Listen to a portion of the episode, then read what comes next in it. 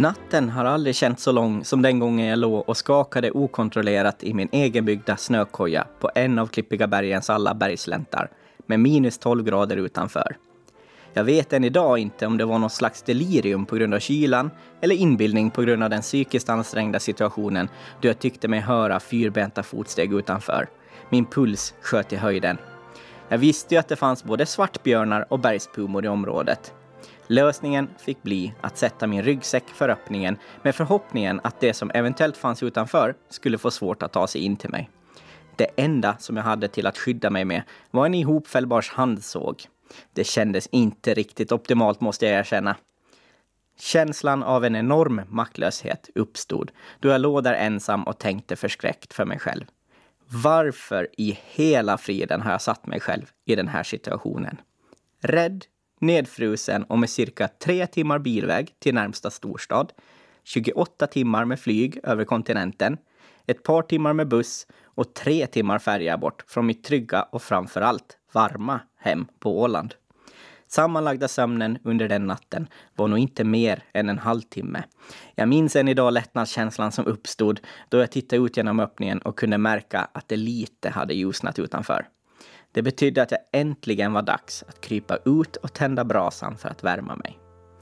Väl där ute i ljuset från brasan så märkte jag att det hade frusit till is ovanpå mina kängor. Känslan och lyckoruset när man satt där framför brasan och värmen gick genom kläderna var obeskrivlig. Du lyssnar på Sommarprat i Ålands Radio och jag som är din sommarpratare idag heter Linus Åkerholm. There's a conclusion to my illusion, I assure you this. Det var låten Younger med Seinabo Sey som passande nog förmedlar känslan jag hade då jag ansökte och fick åka år 2010 som utbytesstudent till Calgary i Kanada. Jag fick nämligen turen att göra breddstudierna där för min utbildning till idrottsinstruktör med inriktning på hälsopromotion. Även om det inte just i snökojan där och då kändes som en hälsofrämjande aktivitet så var det oerhört nyttigt för en psyke att ha en sådan erfarenhet med sig i bagaget. The worst thing that can happen is that you might get a bit of hypothermia minns jag att min lärare försökte peppa oss med när vi skulle förbereda oss för just detta slutprov i vildmarksöverlevnadsteknikerkursen.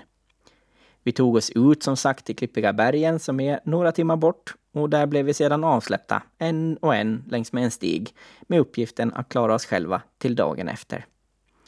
Utöver den kursen så hade jag på något märkligt sätt även råkat anmäla mig till en bergsbestigningskurs där slutprovet tydligen bestod av att bestiga ett berg på 2,4 kilometers höjd.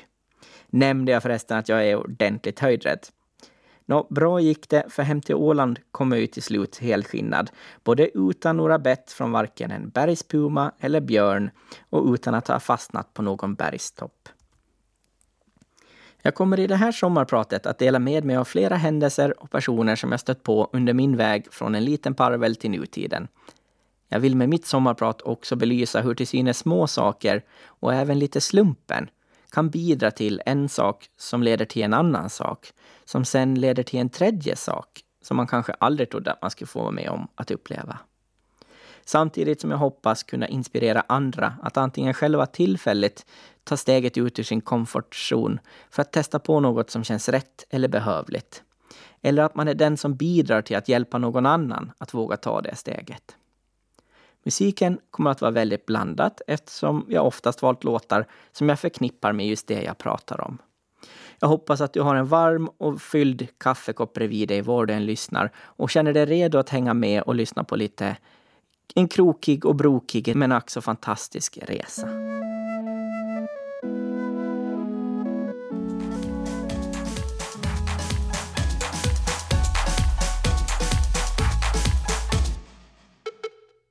Det var låten Vart jag mig i världen vänder med gruppen Den svenska björnstammen.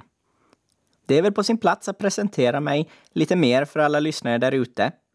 Linus Åkerholm är mitt namn. Jag är snart 34 år gammal. Jag är yngst i syskonskaran på fem, vilket inte är en slump då morsan och farsan förstås valde att spara det bästa till sist. I vår familj verkar generna vara starka för att jobba med människor och specifikt inom skola. Min mamma jobbade större delen av sitt arbetsliv som lärare och tre av mina fyra syskon jobbar också inom skolvärlden. Min kära far jobbade även han med människor då han jobbat både som kantor och ungdomsledare större delen av hans arbetsliv. Mina egna arbetserfarenheter kommer till större delen också från skolvärlden och de senaste tre åren som fältare. Sen så har jag även jobbat som handledare på klubbuss, både här på Åland och på Nya Zeeland. I februari detta år antog jag utmaningen att börja som klubbhuschef på klubbhuset Pelaren, som även är orsaken till att jag nu får äran att hålla ett sommarprat för er. Jag brukar vara noggrann med att påpeka att jag kommer från Geta i samband då jag presenterar mig. Det hör lite till, på samma sätt som att man får den klassiska åländska frågan Och vemses pojke är du då? Det är väl ändå ganska stor del av min identitet som kommer från min uppväxt på fasta Ålands nordligaste kommun, som jag är tacksam över. Jag och min ständige kattkompanjon Pyschen har sedan årsskiftet flyttat ihop med min själsfrände Katja och hennes tre guldklimpar Amaya, Elliot och Filippa. De förgyller min vardag med en massa knasigheter och skratt samtidigt som jag förgyller deras vardag med de bästa pappaskämten som kanske inte alltid är så uppskattade. Jag måste dock erkänna att det inte alltid går som på Strömse och man verkar få några gråa hår på köpet. Jag har fått, definitivt fått en ökad förståelse för hur mina föräldrar måste ha haft det med mig och mina syskon i huset samtidigt. Men på så vis känns cirkeln sluten och jag skulle inte vilja ha det på något annat sätt. Den här låten tillägnar jag min älskade Katja och vår härligt knasiga familj.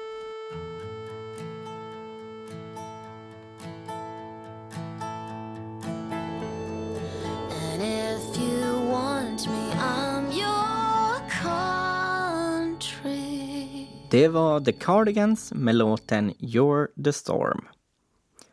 Jag vill själv tro att det faktum att jag är getabo utgör en av orsakerna till att jag hamnade i en snökoja i Kanadas del av Klippiga bergen. Missförstå mig rätt nu. Getabor är nog inte per automatik mer benägna att utsätta sig för överlevnadssituationer i vildmarken än andra ålänningar. Däremot är det ingen slump att jag har en förkärlek till vildmarken då min uppväxtmiljö alltid varit nära naturen. Jag växte upp med utflykter till Norrhavets släta klippor. Jag har varit många timmar ut på sjön med snipa och jag tittar mig aldrig mätt på solnedgångar i horisonten från Getabergen. Jag har även haft förmånen att veta hur det känns att spela ishockey på ett knaggligt Olofsnästräsk tills man inte känner sina fötter längre. Lasse, vår granne till barndomshemmet, lät mig också ofta vara med när det var dags att köra traktor och sätta potatis på åkrarna bredvid huset.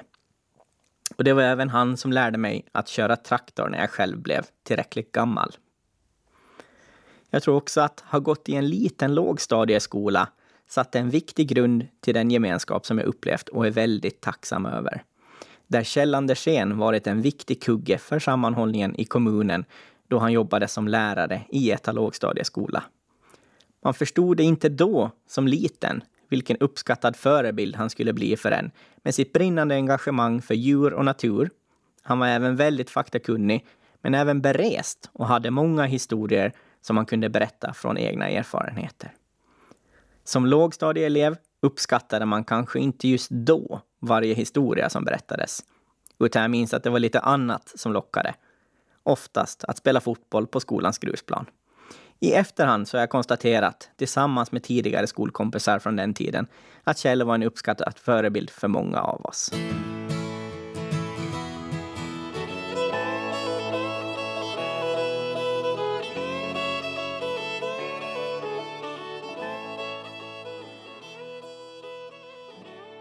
Det var låten Wagon Wheel med Darius Rucker. Du lyssnar på Sommarprat i Ålands Radio och jag som är sommarpratare idag heter Linus Åkerholm. Ja, åren gick och lågstadietiden lämnades bakom en till förmån för en intensiv högstadietid som bestod mycket av att spela fotboll och som för många andra att försöka hitta min plats i den sociala tillvaron. Vartefter tiden gick så lockade kompisarna mer än fotbollen, men jag lyckades hålla mig aktiv ända till slutet på gymnasiet. Fotbollen har varit en stor och utvecklande del för mig och gav mig en arena där jag fick utrymme att utvecklas som person. Jag var till en början en person som kanske inte tog så mycket plats och var ganska tyst i sociala gemenskaper. Men jag är ganska säker på att mina dåvarande lagkamrater kan intyga att jag inte var så tyst väl ute på fotbollsplanen. Genom fotbollen upplevde jag känslan av att man jobbar tillsammans för att uppnå någonting större. Och det var väldigt givande för mig. Det var även det som gav mig inspiration till att ta examen som idrottsinstruktör med inriktning på hälsopromotion. Men det var ingen självklarhet. Då jag efter examen från yrkesskolans sociala och samhälleliga linje sökte till Karlstad och kom in på lärarprogrammet där. När den började närma sig skolstart så valde jag dock att skjuta upp min studieplats till året efter. Det fick bli ett skönt mellanår som inte bestod av större åtaganden än att jobba och få mer frihet till aktiviteter och att umgås med kompisarna. Året gick fort och jag beslöt slutligen att säga upp min studieplats i Karlstad, då det inte kändes helt rätt. Jag förberedde mig för att jobba ett år till, men slumpen ville annat. Det var nämligen så att jag under sommaren återfick kontakten med en vän, Emily, som var hemma på ön och berättade att hon skulle studera till idrottsinstruktör på en svenskspråkig skola i Helsingfors. Det lät ju väldigt intressant och jag var lite moloken över att jag inte ens tänkt på att söka dit istället. Men när terminen väl började meddelade hon att det fanns platser kvar att söka och på den vägen blev det. Jag brukar beskriva det som att jag lite halkade in på det spåret på ett bananskal och jag är idag oerhört tacksam över det.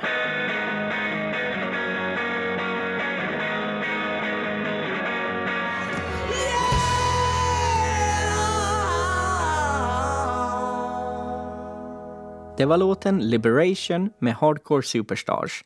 Och det är ingen slump att jag valde den eftersom jag spelade den flitigt då jag flyttade till fastlandet för att studera i Helsingfors. Jag hade känt under en tid att jag behövde få göra min egna frigörelse, alltså liberation, och komma bort från lilla Åland. Jag hade lite stagnerat, så det gjorde mig definitivt gott att komma iväg. Och jag rekommenderar alla att lämna det trygga för ett tag och se lite annat. Ända sedan vi var små så har vi alltid haft släktträffar och umgicks en hel del på loven både på fastlandet och den svenska sidan. Men vi fick även en hel del besök hit till Åland. Jag minns en specifik händelse där jag som liten parvel satt i min mosters och tillika gudmor Fias knä vid vuxenbordet där de pratade om allt och inget som man inte riktigt hängde med i. Men plötsligt sa Fia till mig att jag så gärna fick komma och hälsa på till Borgo och bo hos dem någon gång. Just då var jag så liten att jag aldrig skulle tänka tanken på att våga åka dit och bo hos dem. Men däremot så tog jag upp det med henne och hörde om erbjudandet fortfarande gällde när jag skulle åka på inträdesprovet för idrottsinstruktörslinjen ett x antal år senare. Det visade sig att jag kunde bo i Borgo de första tre månaderna av min studietid.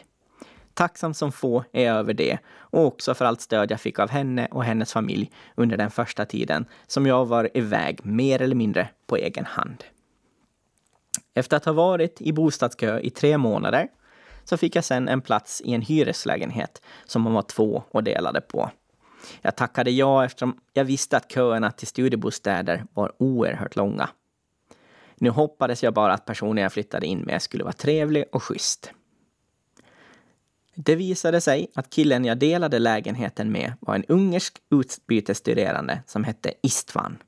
Och all vår kommunikation skedde alltså på engelska.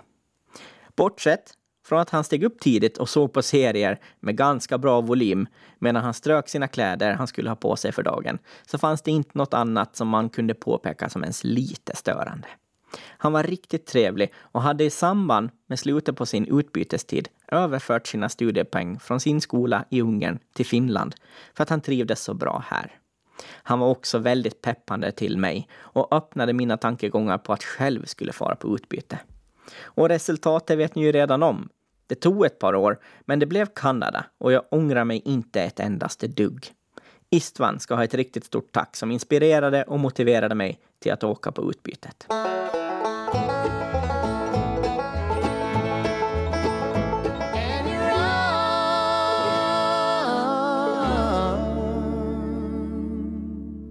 Ja, det var låten Can You Run med gruppen The Steel Drivers och en liten hyllning till Nordamerika med deras country och bluegrassmusik. Under min tid som utbytesstuderande i Calgary så fick jag se med egna ögon hur kanadensarna är väldigt intresserade av att ha biltypen pickupper. Jag räknade på skoj när jag satt på bussen från skolområdet till butiken hur många jag kunde se på 15 minuter. Jag slutade räkna vid 50 och då hade jag bara kommit halvvägs fram. Utöver det så kunde jag konstatera att kanadensarna är lika trevliga som de framställs. Förutom i ishockeyrinken och när man försöker ta en hatt från en som klassar sig som cowboy. Att cowboys är väldigt känsliga gällande deras hattar fick två utbyteselever från Australien lära sig när vi var på en bar i Edmonton och de ville testa en cowboyhatt. De fick nästan en utskällning när de frågade om de fick testa hatten. Och det var som att de hade förnärmat honom genom att ens ställa frågan. För den sportintresserade så kanske Kanada och året 2010 började ringa några klockor. Det var nämligen så att vinter-OS hölls i Vancouver det året, samtidigt som jag var i Calgary.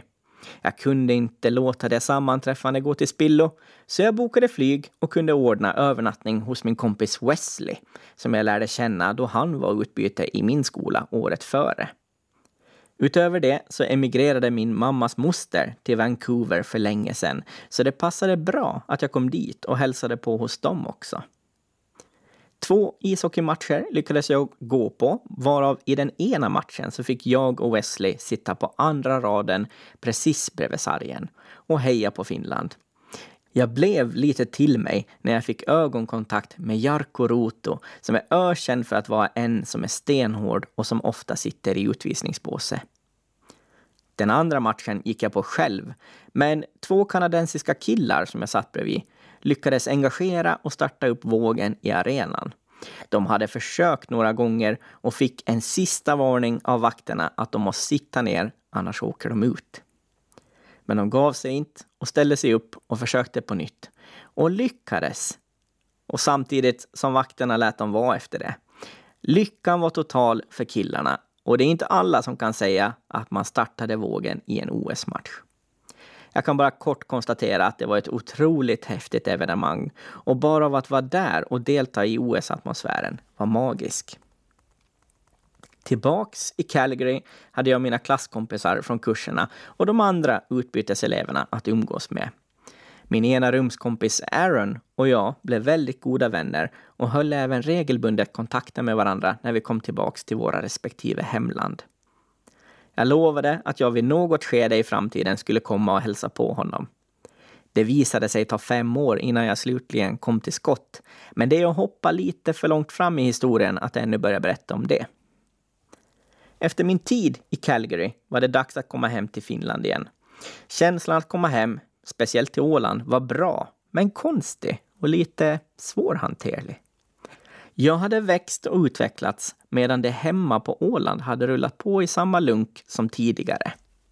Jag var ivrig och ville liksom hälsa på alla jag kände i till exempel butikerna eftersom jag inte varit på Åland på fyra månader. Men jag märkte att det var lättare för folk att låtsas som att man inte ser en i butiken eller tittar åt ett annat håll när man möts gående på gatan. Det var nog första gången för mig hur jag märkte att de åländska normerna kändes begränsande. Tidigare har jag ändå tänkt att det känns tryggt, men nu kändes det mer som någonting som skavde.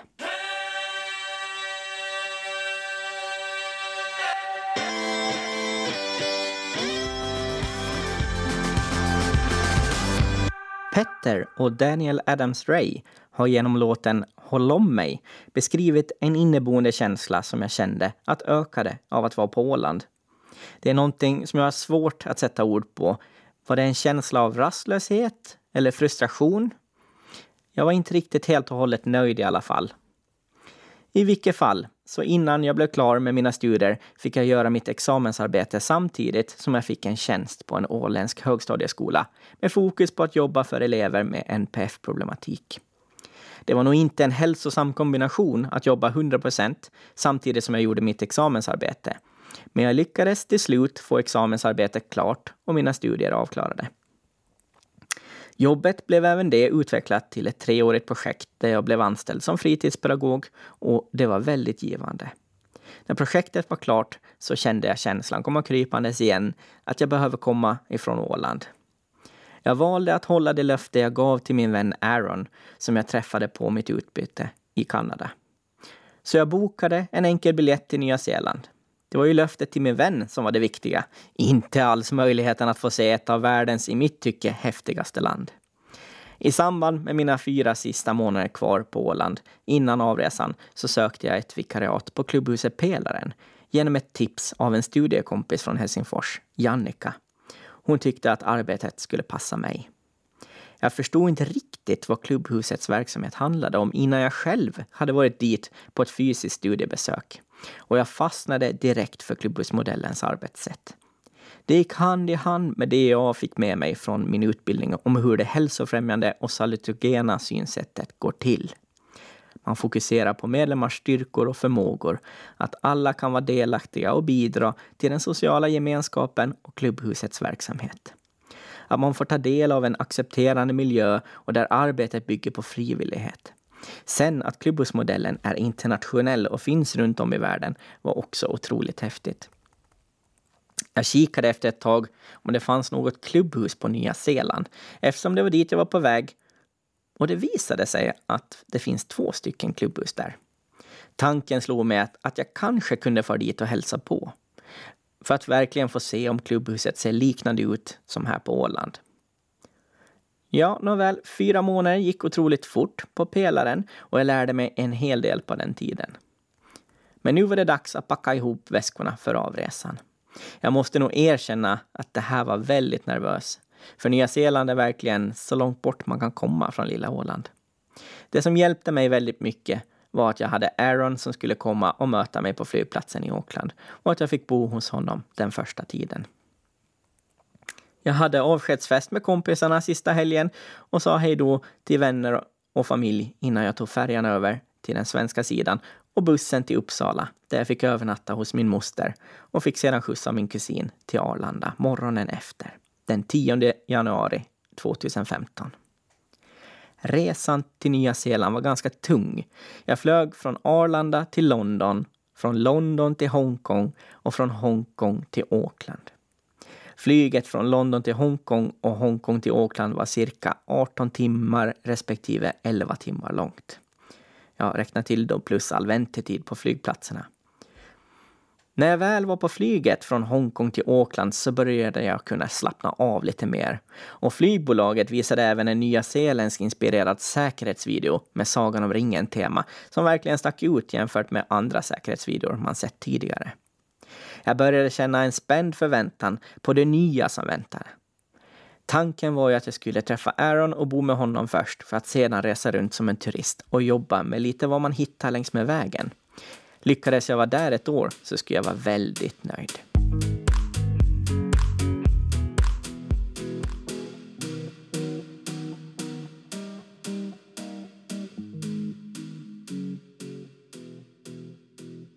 Du lyssnar på Sommarprat i Ålands Radio.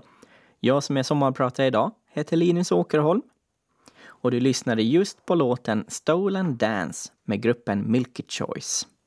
Och den här låten spelades också i flygets högtalare när vi kom ombord på flyget ner till Auckland, vilket gjorde stämningen mer avslappnad.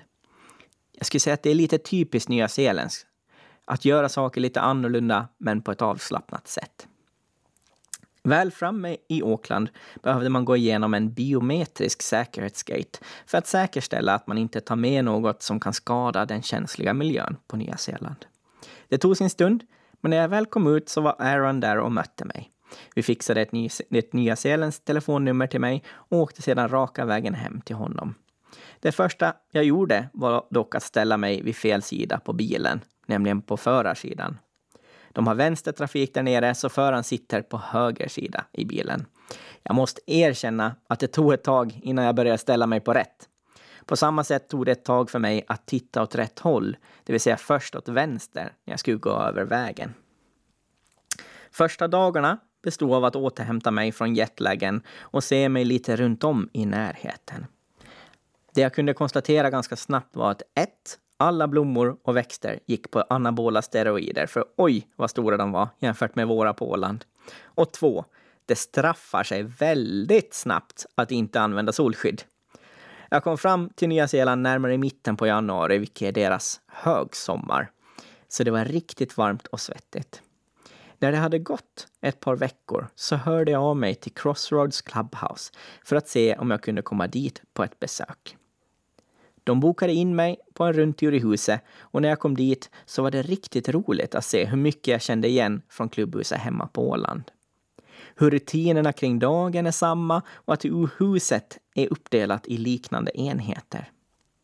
När de fick reda på att jag har erfarenhet från ett klubbhus i Finland så ville de gärna ställa en hel del frågor. Jag var där en hel eftermiddag och i slutet innan jag skulle gå hem så ville klubbhuschefen prata med mig. Det visade sig att det fanns två tjänster lediga som handledare och han undrade om jag var intresserad av att söka. En arbetsintervju och en provjobbsdag plus några veckor senare fick jag svaret att ena tjänsten som handledare var mitt om jag ville ha det. Jag tackade ja direkt och det var början på en två år lång arbetsperiod där. Det blev aldrig något riktigt turistande för mig runt hela Nya Zeeland. Men jag lyckades åka runt på Nordön en vecka före jag började tjänsten. Och så tog jag en semestervecka på vintern då jag for ner till Sydön för att snowboarda i Queenstown tillsammans med min klasskompis från Helsingfors, Mattias. Men det gick ingen nöd på mig, för bara där i närområdet kring Auckland fanns det massor med vattenfall och stränder och vulkankoner att se. Och jag hann inte ens med alla de ställena under mina två år där. Jag är så otroligt tacksam för all den erfarenhet och upplevelser jag fick av alla som jag jobbade tillsammans med och stötte på där. Vart efter tiden gick så började jag lära känna fler än Aaron och hans flickvän och kompisar. Jag lärde känna mina kollegor från jobbet bättre och min dåvarande chef fixade in mig i hans tidigare fotbollslag, vilket också motiverade mig att hålla igång fysiskt på min fritid. Och när jag sökte ett eget ställe att bo på så fick jag tre rumskompisar att umgås med också.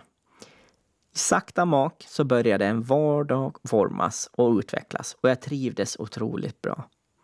En helg blev jag medbjuden till min väns sommarstuga uppe i Coromandel, cirka fyra timmar bil från Auckland, för att umgås där med hennes vänner. Vi for iväg tidigt på lördagmorgonen och efter ett par timmar så uppenbarade sig, enligt min mening, världens finaste vägsträcka. Det var en slingrig väg som följde kusten cirka 30 meter från havet. Jag satt som fastklistrad med videokameran för att föreviga den delen på resan. Vägen gick igenom och varvade bysamhällen med vackra vyer över stränder. I bilens stereo spelades plötsligt en låt med den nya zeeländske singer-songwritern Mel Parsons och låten heter Far Away. Låten kapslade in känslan av det jag ville uppleva när jag lämnade Åland. Och om det här var allt jag fick vara med om under min tid på Nya Zeeland så kände jag att det räckte. För det var en så otroligt fin upplevelse. Här kommer låten.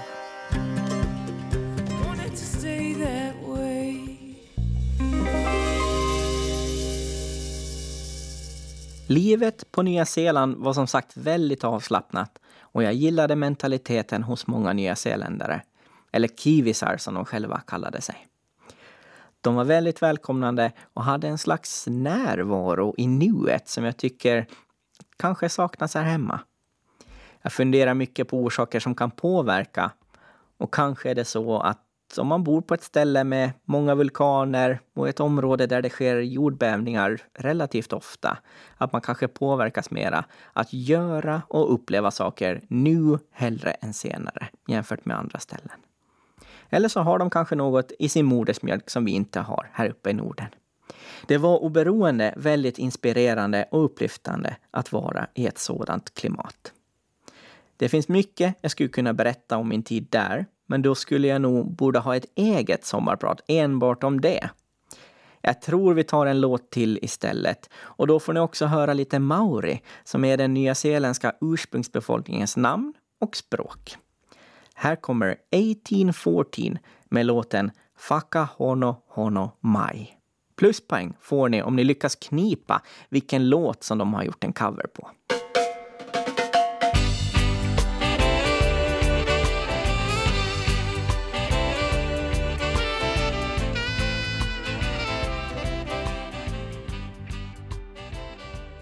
Svaret på vilken cover som låten är gjord på är alltså Knockin' on Heaven's Door med Bob Dylan. Mina två år på Nya Zeeland gick väldigt snabbt.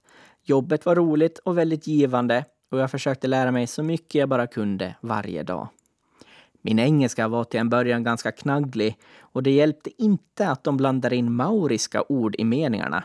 Exakt på samma sätt som finlandssvenskar sätter in finska ord i svenska meningar. Men när jag väl lärt mig de vanligaste mauriska orden och kom till det stadiet att jag kunde förklara runt de ord jag inte kunde och på så vis ändå göra mig förstådd, så kände jag att språket inte längre var något bekymmer. Jobbet flöt på. Jag lyckades göra några mål och assist i den lokala fotbollsserien. Ja, I alla fall då jag lyckades ta mig till de olika spelplanerna runt om i Auckland, det vill säga. Att ta kollektivtrafiken runt i Åkland var lite spännande, då jag som var van med Helsingfors genomtänkta kollektivtrafik. Men det gick oftast bra. I jobbet behövde jag lära mig köra bil, då det fanns arbetsuppgifter som krävde det. Första gången jag skulle testa köra från arbetsplatsen till matbutiken hade jag en medlem med mig som skulle hjälpa mig. Jag tror jag aldrig varit så stressad när jag kört bil någon gång tidigare. För det första, om ni glömt, så kör man ju på vänster sida. För det andra så körde man ju i en storstadsmiljö. Inte riktigt samma som när man kör runt här på lilla Åland. Men så småningom, efter ett antal körningar, så släppte det och det slutade med att jag själv köpte en egen bil att ta mig runt med. Detta underlättade mina helgutflykter oerhört eftersom jag oftast bara tagit mig runt till fots och med kollektivtrafiken. Nu öppnade sig möjligheterna och jag tror jag besökte som mest fyra olika stränder på en och samma dag. Min vän Steven visade också mig ett badställe som tillika är ett naturfenomen just precis utanför Auckland.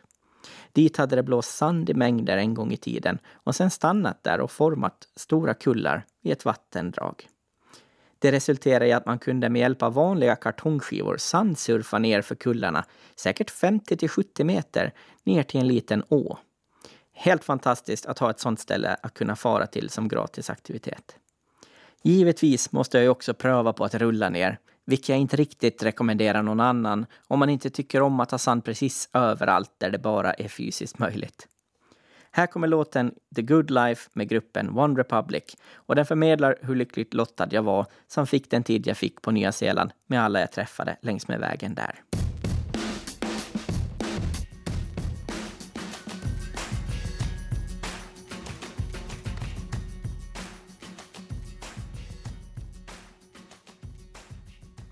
Under min tid på Nya Zeeland var jag i ett förhållande som hade varat över ett år, men som började knaka i fogarna.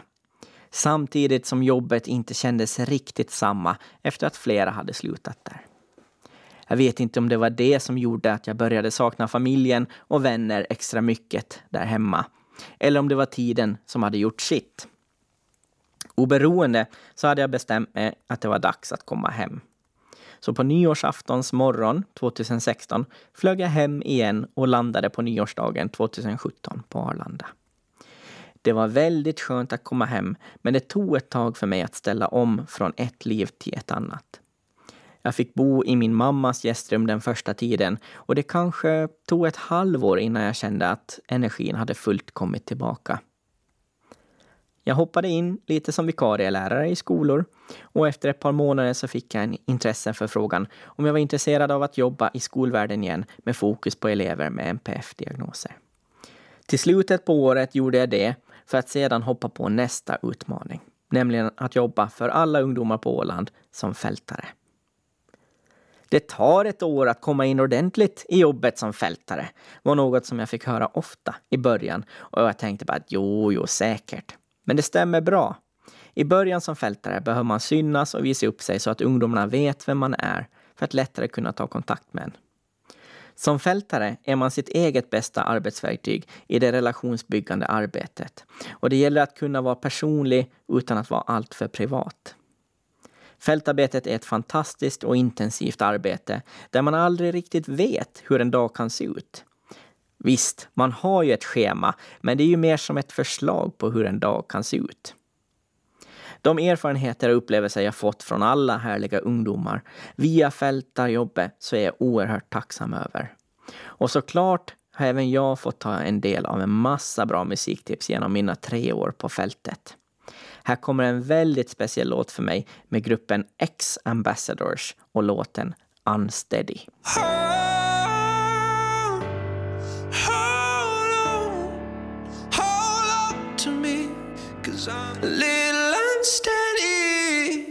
Du lyssnar på Sommarprat i Ålands Radio och jag som är sommarpratare idag heter Linus Åkerholm. Från att ha jobbat på fältarna med alla fantastiska ungdomar så var det dags för mig att ta mig an nya utmaningar. Jag är otroligt hedrad över förtroende att få komma tillbaka till klubbhuset Pelaren, denna gång som klubbhuschef.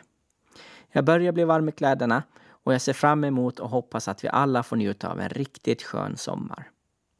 Det här sommarpratet har handlat om hur det gick till när en lite smått vilsen getabo lämnar trygga Åland och lite hittar sig själv på Nya Zeeland via Helsingfors och Kanada. Om så bara en enda person skulle bli inspirerad att gå utanför sin komfortzon och skapa ett nytt kapitel i sin egna historia av det här sommarpratet så skulle jag bli otroligt glad. Tack för att ni har lyssnat. Här kommer sista låten. Blame it on me med George Ezra. Cool.